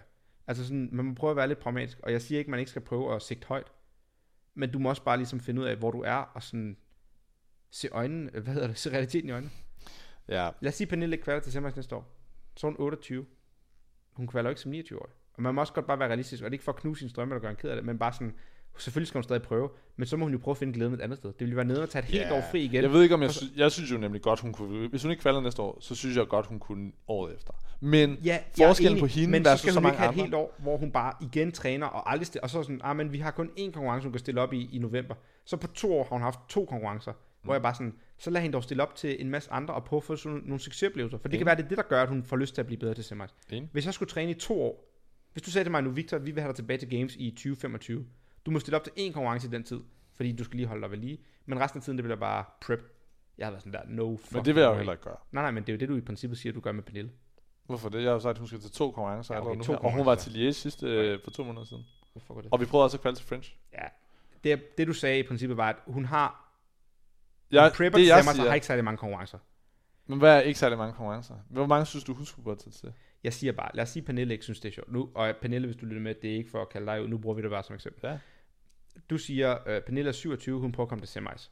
Hun har nu øh, en lang offseason og træner op, og så må hun tage en konkurrence om en cyklus eller to. Ikke også? Hun skal til, hvad sagde du? Madrid eller sådan noget. Hun skal til Uh, German, undskyld, og en anden. Og Så to Ragnarok. konkurrencer på en offseason. Yes. Så tager hun til semis. Lad os sige, hun ikke, eller quarterfinals. Lad os sige, hun ikke kvalder. Så siger du, så prøver vi at kvalde igen til 24. Så har hun et helt år.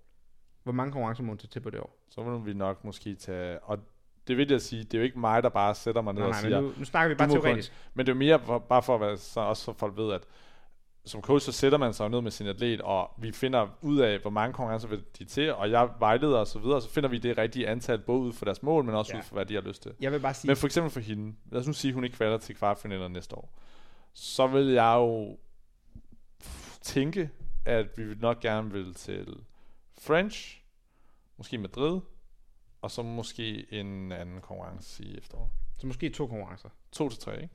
På et helt år. Ja. Men det er også det. Det er jo ikke meget. Så hen over en toårig periode, der må hun stille op til, det er jo så to i den ene sæson og tre i den anden. Måske Men du, fem. Og, Nej, men jeg, det jeg bare prøver at sige, er, det, du, det jeg prøvede at sige i starten af den her diskussion, nu kommer vi også lidt langt ud, det var, hvis du sætter et mål, og det er måske lidt urealistisk, så prøv at sætte nogle delmål, hvor du kan få lidt glæde i stedet for. Det er det, jeg har gjort. Jeg vil, hvis mit mål var at komme til games, og jeg ikke kom til games, så ville jeg bare være fucking ked af det. Så Nå, hvad fuck, nu, slår, nu slutter min sæson, nu skal jeg bare træne et helt år, så kan jeg prøve igen. Så har jeg to dage i maj, hvor jeg ligesom kan prøve at gøre det godt, som ikke er særlig sjove, og så kvalder jeg ikke igen, og så vil jeg bare have det nederen. Så har jeg brugt et helt år på ikke at kvalde og have det nederen. I stedet for har jeg sagt til mig selv, Victor, du er ikke særlig god til CrossFit relativt til alle de andre, du konkurrerer mod. Tag lige et skridt tilbage og til op til alle de andre konkurrencer. I stedet for tager jeg til 5, 6, 7, 8, 10 konkurrencer og kommer på podiet og hygger mig. Og så har jeg noget at kigge tilbage på. Og har en masse succesoplevelser, som giver mig lysten til at blive ved med at dyrke den her sport. Og jeg siger bare til nogle af de her, jeg ved ikke om det, nu var Pernille bare et eksempel, mange af de her atleter bliver nødt til at tage et skridt tilbage, og lade være med at sigte så fucking højt, og så måske realisere, hvor de er, og prøve at nyde og finde glæde i et skridt lavere. Jeg er enig i hele præmissen. Og jeg tror, at det eneste, jeg vil tilføje, det er, at jeg synes, vi skal huske, at hvordan man finder glæden er anderledes. Så Ja, det der det med, at klart. du synes, at for dig ligger glæden i at tage til 7-10 konkurrencer, det synes jeg er fair, men vi skal også huske, at det vigtigste er jo bare, at de finder glæden på en eller anden måde. Ja. Og det kan måske også bare Men det være det, ved vi- at få en masse gode ligesom, vi ved, at træninger der er i mange- deres gym. Det er det, men præmissen er, at vi ved ligesom, der er mange, der ikke har glæden. Præcis, og den skal de prøve, prøve at finde. Og det er jo fordi, at de sætter et andet sindssygt højt mål, som er totalt unattainable. Og så sidder jeg her og siger, som coach har, synes jeg også, man har ansvar for at sige, hey, det er fedt, du har et lidt relativt urealistisk mål. Vi bliver også nødt til at sætte nogle realistiske mål. Enig? Ja, det var bare det. Men øhm, Jeg synes, vi er enige om meget. ja. Vi har en 10 minutter, så skal jeg have en massage til Milan. Hvad hedder det? Er der noget lige her til sidst, vi skal tage? Tryouts. Okay. Har vi tid til det? Ja, vi kan godt lige køre den. Okay. hurtigt. Ja, det var vi faktisk godt på skændes om. Nej, det var ikke skændes. Nej, nej, det er jo dis- diskussioner, ligesom de her podcast. Det er det Nå. gode. Præmissen er det her, øh, Emil og Philip Thun, de har jo ligesom pursuit training, må jeg sige det? Ja, ja, ja. uh, pursuit training uh, sammen, og um, de er head coaches i Butchers Lab. Og der er ligesom et konkurrencehold, og på konkurrenceholdet, der kan man være med, hvis man er på hold. Der er ikke nogen individuelle atleter, der er ligesom kun teams. ja. Og teams, laver det vil sige mand, dame, mand, dame. To herrer, to damer og reserver på et hold. Og øh, der er fire hold. Der er plads til fire hold, det vil sige 16 atleter. Sådan var det i hvert fald sidste sæson, Ja. måske det ændres næste år. Ja. Og vi havde tryouts sidste år. Det vil sige, hvis du ville ligesom med på holdet, så skulle du ligesom lave en tryout for at vise, hvor god du var, og så valgte man de 16 bedste, så hvis der er 50, der stiller op, så er der altså 34, der bliver kottet fra. Ja. Yes. Tryouts giver mening, det er vi alle sammen enige om. Men nu er vi ligesom nået til sæson 2. Nu skal vi have næste sæson, den er lige på trapperne. Emil og øh, Stude skulle til at sige, Emil og Philip skal til at vælge, hvad der skal ske næste år. Og jeg tror igen, vi kører, lad os bare sige fire hold. Der er 16, der skal videre. De vil godt have Trouts igen. Og jeg sidder og tænker, hvorfor fuck skal vi have Trouts Måske. igen? Det skal lige siges, alt det her, der er ikke noget af det her, der er officielt. Der- men det, sæsonen vi er ikke på snakke om plads. sidst. Nu leger vi, Men at vi, du, vi har diskuteret, for, om vi skulle holde... Mig og Victor har diskuteret, om mig og Philip burde holde en tryouts, eller ej. Nu leger vi med tanken om, at du holder for tryouts, og jeg er imod tryouts. Ja. For det var ligesom det, vi Ja. gjorde i, i Kom går, da vi det. snakkede om det. det. Emil siger, vi skal have tryouts, fordi at så er alle på lige fod. Alle, øh, der møder op, er ligesom genstartet i 0. Der er ikke nogen, der føler sig bedre end andre. Der er ikke nogen, der ligesom kan føle sig hævet. Og det vil have en bedre effekt på teamdynamikken senere hen, at alle ligesom er kvalet på samme præmis. Og alle ligesom har en sæson, hvor man sagde, vi startede i 0. Vi har kæmpet for at få lov til at være her. Vi er sammen. Ja, så punkt 1 er, alle kan være ligestillede, og det kan danne en kultur om, at der er ikke nogen, der er bedre end andre i forhold til bare... Selvfølgelig er der forskel på niveauer, men bare hvordan vi ser hinanden. Og der, er det er jeg sådan der, der siger jeg som nummer et, selvfølgelig er der nogen, der er bedre end andre. Og det må man godt sige. Men ikke på den måde, vi ser hinanden i forhold til værdi. Nej, selvfølgelig må du folk ikke må føle- gerne være du må føle Der er ikke folk, der skal have Ærligt, special Du treatment. skal ikke føle dig bedre end andre mennesker. Præcis. Men du må godt sige, at du er en bedre crossfitter. 100%. Og det synes jeg er mærkeligt, 100%. at vi ikke kan sige. Lad os sige Thomas Strøyer. For sure den bedste, måske top 3 bedste danske crossfitter. Han skal lave tryouts ved siden af mig eller 10 andre. Det giver ikke mening. Giv ham dog bare fucking pladsen. Tror du, man beder Ronaldo om at lave kval til et eller andet med hold på Manchester? Han er bare god, og så giver de ham pladsen. Og man har ligesom præsteret undervejs. Man, Emils præmis er, at man skal have tryouts. Man skal have en dag af fire til fem workouts, hvor man ligesom tester folk for at se deres niveau. Og det siger, at det giver mening, hvis du ikke kender deres niveau. Men alle dem, der kommer til tryouts, i hvert fald de 20 vigtige, dem kender du niveauet på. Så hvorfor ikke bare udvælge dem? Og så dem, du er usikker på, de 4-5 atleter, du er sådan, ah, jeg kender ikke helt, lad dem lave tryouts. Hvorfor skal du lave tryouts på mig, eller Eskild, eller Astrid, som du ser hver eneste dag og programmerer for? Du kender vores niveau. Og det synes jeg jo nemlig også er en mulighed. Men hvis jeg nu skulle det argumentere, hvis jeg Nu- skulle argumentere det sagen du. Det, for det at skal du. Det skal du. Det er den holdning, du havde i går. Det skal du. det er ikke rigtigt, men jeg, hvis jeg nu skulle argumentere sagen for at beholde tryouts, så synes jeg jo nemlig, ligesom du siger, at man må gerne sige, ved du hvad, Strøger, du er fandme bedre end Victor. Altså det må man gerne sige, mm. men samtidig synes jeg også, det er vigtigt at sige til ham, bare fordi du er bedre til Victor, til CrossFit, betyder ikke, at du får nogen særbehandling her. Og det betyder nemlig også, i forhold til den kultur, vi gerne vil danne, at jeg synes, du skal møde op til tryouts. Og så kan det være, at du bare flækker folk, og vi formentlig vælger dig, men vi viser nemlig også, i forhold til kulturen, Jeg den indstilling, vi gerne vil Jeg have. er enig. Men Kom. hvis vi skal have folk ind med bag kulisserne. Sidste år, der lavede vi tryouts. Og det var ligesom også på de her præmisser med, at vi skulle, øh, Mhm. mm-hmm. alle skulle være lige. Men når vi så kom til selve sæsonen, og vi havde tvungen træning hver lørdag, og der var konsekvenser, hvis man ikke kom til træning om lørdagen. Når folk så ikke mødte op, så var der ikke nogen konsekvenser.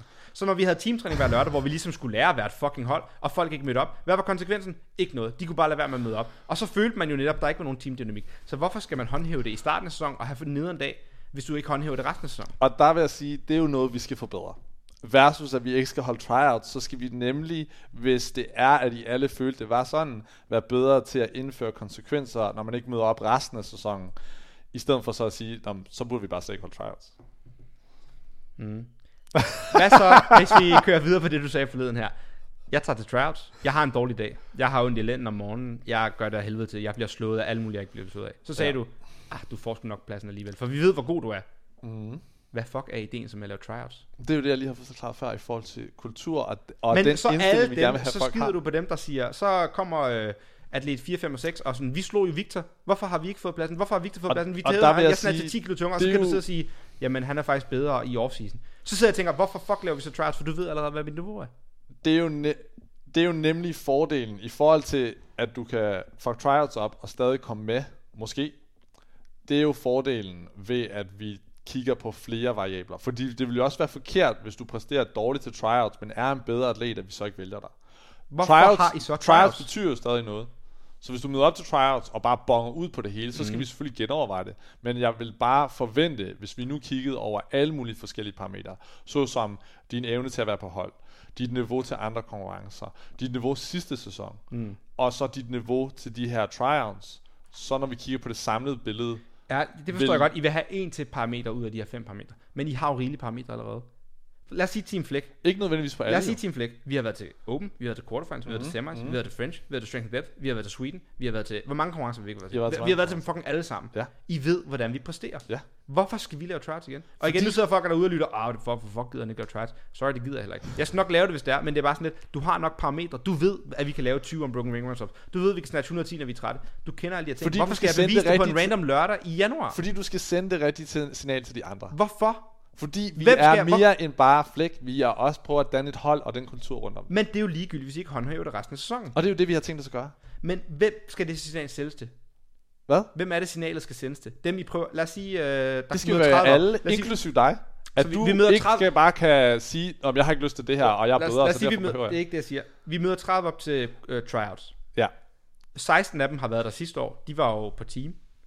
12 Ja. af dem, hvis I skal være helt realistiske og ærlige, 12 af dem får en plads lige meget hvad næsten.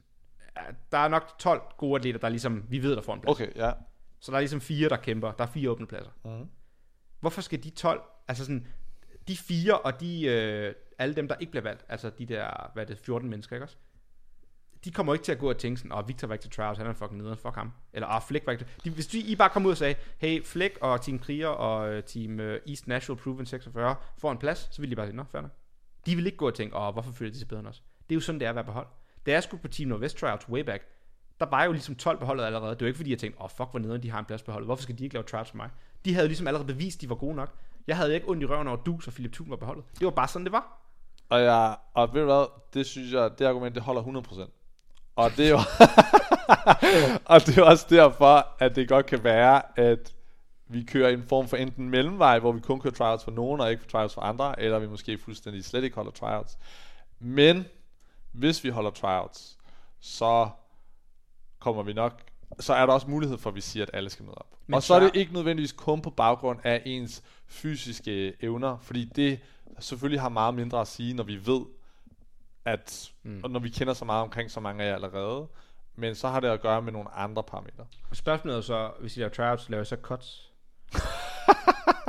ja, der bliver cutter Ja, vi ned fra... Så kører vi fra Men- men- men- 30 men- til 25 til 20, Men efter hver workout. Efter workout. Nej, jeg synes det der tryout, jeg forstår det godt, men jeg synes det er fucking ærgerligt. Sorry, men det synes jeg. Og I Det må skrive er ind i det indbakken, vi får fandme mange, der skriver for tiden. Men øh, jeg vil også godt lige høre, hvad I har at sige, fordi at, øh, jeg var upopulær, da jeg sad og sagde det her forleden. Der var godt nok nogle sure miner, men øh, ikke bare med Emil, men også nogle af de andre, vil jeg sige. Øh, selvom det var dem, der egentlig ikke burde lave tryouts. Men øh, ja, jeg synes, tryouts, for, for, hvor man ligesom kender folk, det giver bare ikke mening. For et nyt hold, jo, det giver mening.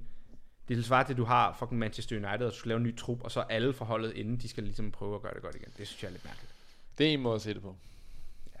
Men må ikke, der er også andre team bondings elementer, som... Øh, Men er det de teambonding at prøve at smadre dem, du skal være på team med? Det er jo også det der med trials. Du prøver jo ligesom at fucking vidderligt destruere en workout. Det er jo sådan, er det teambonding eller hvad? Om noget kan der bare skabe splid. Fuck ham der, han slog mig. Og han fik min plads med et point. For helvede, fuck ham der. jeg tror, jeg bliver nødt til at give mig. Jeg ved ikke, jeg synes, Men det betyder ikke, at der ikke kommer trials. Det kan være, det gør.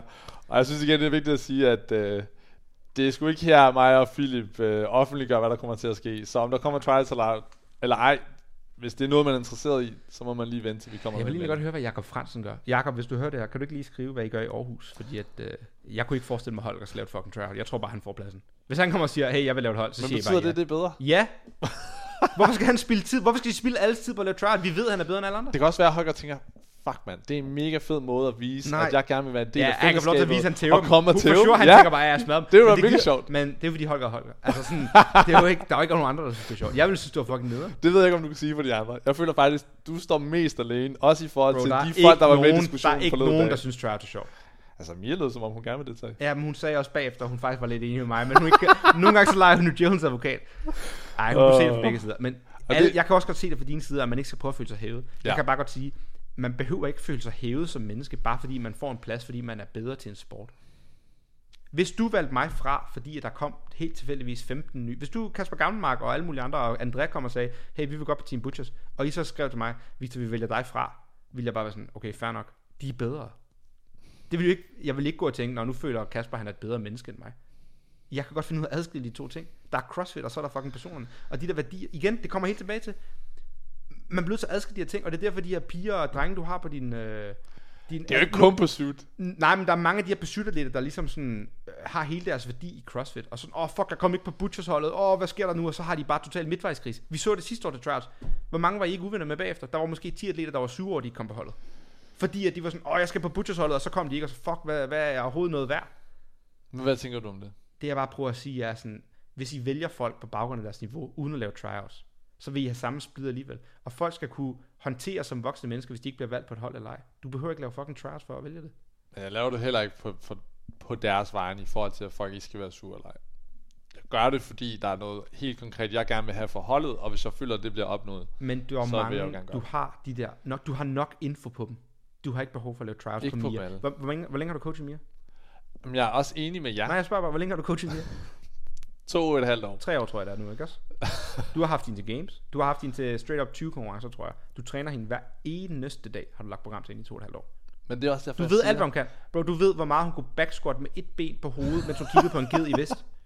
Du kan alle hendes tal i Men hovedet. det er jo også du derfor, har ikke jeg behov siger- for, at hun laver tryouts. Du Men ved, hun er bedre end hende og hende og Ikke i hende. forhold til det fysiologiske, nej. Det er jo det, vi tester i tryouts. Det er jo ikke rigtigt. Vi har jo lige snakket om en masse andre variabler. Men de variabler kender du også på hende. Dem du ikke kender det på, kan du lave tryouts på. Men der Hvis er der også- kommer tre nye fra Randers, og siger, vi vil godt på Team Butchers, vi er villige til at komme og lave tryouts. Og så siger du, "Ah, men øh, jeg kan se på Instagram, du kan snatch 110, men jeg ved sgu ikke, hvordan dit hoved er. Kom til et tryout. Så behøver du ikke skrive til mig på samme tid, hov Victor, du skal lave tryout på tirsdag, for jeg skal lige se, hvor god du er i forhold til ham her.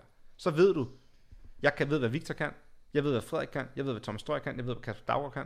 Jeg behøver ikke teste dem igen. Men, der men de her tre du- nye, dem kender jeg ikke, dem tager vi til tryouts. Men der snakker du om det på igen en meget individuel plan. Og det, det, er, er jo et også, individuelt plan. Vi er 16 mennesker, det er heller ikke større end som så. Men der skal vi jo igen også sætte tonen for, hvordan vi gerne vil føre sæsonen frem. Nej, Og det er jo også ikke. en del af Folk tryouts. vil bare følge, hvad I gør. I behøver ikke sætte en eller anden tone og tror, I er et eller andet fucking kæmpe hold. Vi er 16 Altså- altså, mennesker, der træner ned i en boks. Det skal heller ikke gøre det mere seriøst end det.